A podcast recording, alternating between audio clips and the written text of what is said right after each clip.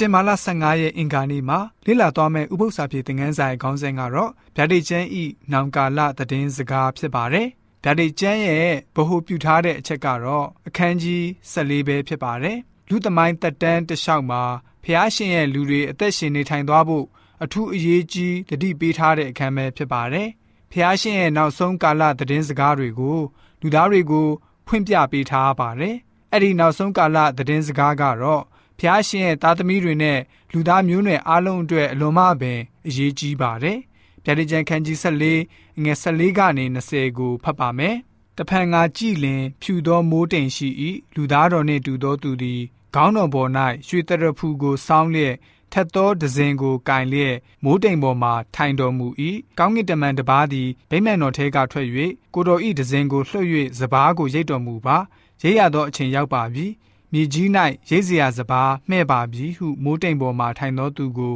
ကြီးသောအတန်နှင့်ဟစ်လေ၏မိုးတိမ်ပေါ်မှထိုင်သောသူသည်မိမိဒဇင်ကိုမြေကြီး၌တွင်း၍မြေကြီး၏စပားကိုရိတ်တော်မူ၏ကောင်းကင်တမန်တစ်ပါးသည်ကောင်းကင်ဘုံ၌ရှိသောဗိမ္မာန်တော်ထဲကထွက်၍သူ၌လည်းထက်သောဒဇင်ပါ၏မိကိုအစိုးရသောကောင်းကင်တမန်တစ်ပါးသည်ရစ်ပလင်ထဲကထွက်၍ထက်သောဒဇင်ပါသောသူကိုကြီးစွာသောကြွေးကြော်ခြင်းနှင့်ခေါ်လျက်တင်ဤထက်သောဒဇင်ကိုလှွတ်၍ မြေကြီးဤစပြစ်သည်ပြုတ်တို့ကိုရိတ်လော့အသီးမှဲ့ပြီဟုပြောဆို၏ကောင်းကင်တမန်သည်လည်းမိမိဒဇင်ကိုမြေကြီး၌တွင်း၍မြေကြီးဤစပြစ်သည်ကိုရိတ်ပြီးမှဖျားသခင်ဤအမျက်တော်ဒီဟုသော နေရာတစားကြီးတဲသို့ချလေ၏မြို့ပြင်၌နေရာတစားကိုဖိနှင်း၍အသွေးသည်16ယူဇနာခရီးတစ်လျှောက်လုံး၌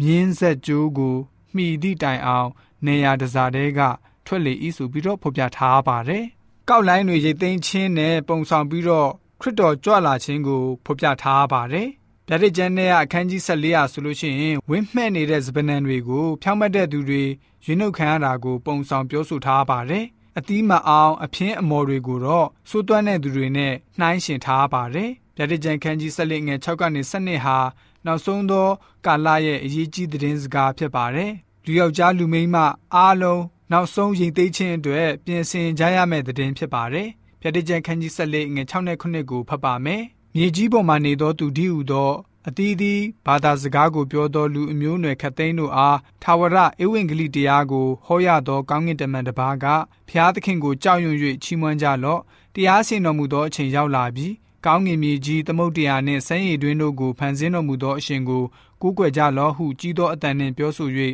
ကောင်းငင်အလယ်၌ပြန်ဝဲလျက်ရှိသည်ကိုငါမြင်၏ဆိုပြီးတော့ဖော်ပြထားပါတယ်ဗျာဒိတ်ကျန်ခန်းကြီး14တဲကပထမကောင်းကင်တမန်သတင်းစကားဟာဆိုရင်21ရာစုမှာရှိတဲ့လူတွေရဲ့အသက်တာမှာရည်ရွယ်တောင်းတခြင်းတွေကိုတောင်းဆိုထားပါတယ်။ဖျားရှင်ရဲ့ကရုဏာတော်ဟာလူတိုင်းကိုခွင့်လွှတ်တဲ့အကြောင်းသတင်းပေးထားပါတယ်။အဲ့ဒီကရုဏာတော်ဟာကျွန်တော်တို့ကို အပြစ်အညစ်အကြေးရှိသမျှကိုစေကြိုပေးပါတယ်။အပြစ်ကိုအောင်မြင်ဖို့တကိုးပေးတော်မူပါတယ်။အဲ့ဒီသတင်းစကားဟာ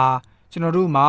ခရစ်တော်ဖန်ဆင်းပေးပြီးတော့ပြန်လည်ရွေးနှုတ်ရတဲ့အကြောင်းအလွန်တန်ဖိုးရှိတဲ့အကြောင်းဖော်ပြထားပါတယ်။နောက်ဆုံးမှာမတမာမှုအလုံးအဆုံးသတ်သွားမယ်လို့ရည်ညွှန်းထားပါတယ်။ထတော်ဖျားဟာနောက်ဆုံးအချိန်မှာတရားစီရင်တော်မူမှာဖြစ်ပါတယ်။ အဖိုးဖြတ်လို့မရတဲ့တည်င်းကောင်းတစ်ပုတ်ဖြစ်ပါတယ်။အကြောင်းကတော့မတရားတဲ့သူတွေထာဝရပျက်စီးသွားမယ်ဆိုတဲ့အကြောင်းကိုဖော်ပြပေးတဲ့အတွက်ကြောင့်ဖြစ်ပါတယ်။ဝိညာဉ်တော်စာပေဖြစ်တဲ့ Egypt White evangelism စာမျက်နှာ139နဲ့120မှာဆိုလို့ရှိရင်ဘယ်လိုမျိုးဖော်ပြထားလဲဆိုတော့တပတ်ရဲ့တတမနေ့စနေနေ့မှာဥပုံနေ့လို့သတ်မှတ်ဆောင်ထိန်ကြတဲ့တတမနေ့အသင်းသူတင်းသားတွေဟာအလင်းတဲ့ဆောင်ပေးတဲ့သူပြီးတော့ကင်းဆောက်တဲ့သူတွေလို့ ကင်းဆောင်တဲ့သူတွေလို့မိမိကိုယ်ကိုခံစားဖို့ဖြစ်ပါတယ်။ပျက်စီးခြင်းရောက်နေတဲ့ကဘာသူကဘာသားတွေကိုနောက်ဆုံးသတင်းစကားပြောကြားဖို့တာဝန်ပေးခြင်းခံထားရပါတယ်။ဖျားရှင်ရဲ့နှုတ်ကပတ်တော်ကနေအလင်းတော်ဟာသူတို့ရဲ့အသက်တာမှာထွန်းလင်းလျက်ရှိပါတယ်။ပထမဒုတိယတတိယကောင်းကင်တမန်တွေရဲ့သတင်းစကားကိုကြွေးကြော်ဟောပြောဖို့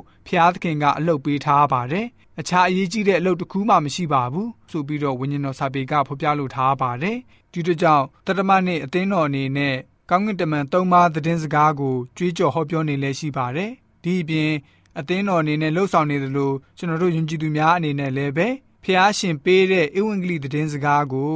စိတ်ထဲမှာတုံမိထားပြီးတော့အခြားသူတွေကိုလည်းပဲချစ်ချင်းမြတ်တာနဲ့ပြန်လည်ဝေငှပြောဆိုနိုးဆော်ကြတဲ့ယဉ်ကျေးသူတွေဖြစ်စေဖို့အတွက်အင်္ဂါနဲ့ဥပု္ပ္ပစာဖြစ်တဲ့ငန်းစာကဖော်ပြထားပါတယ်။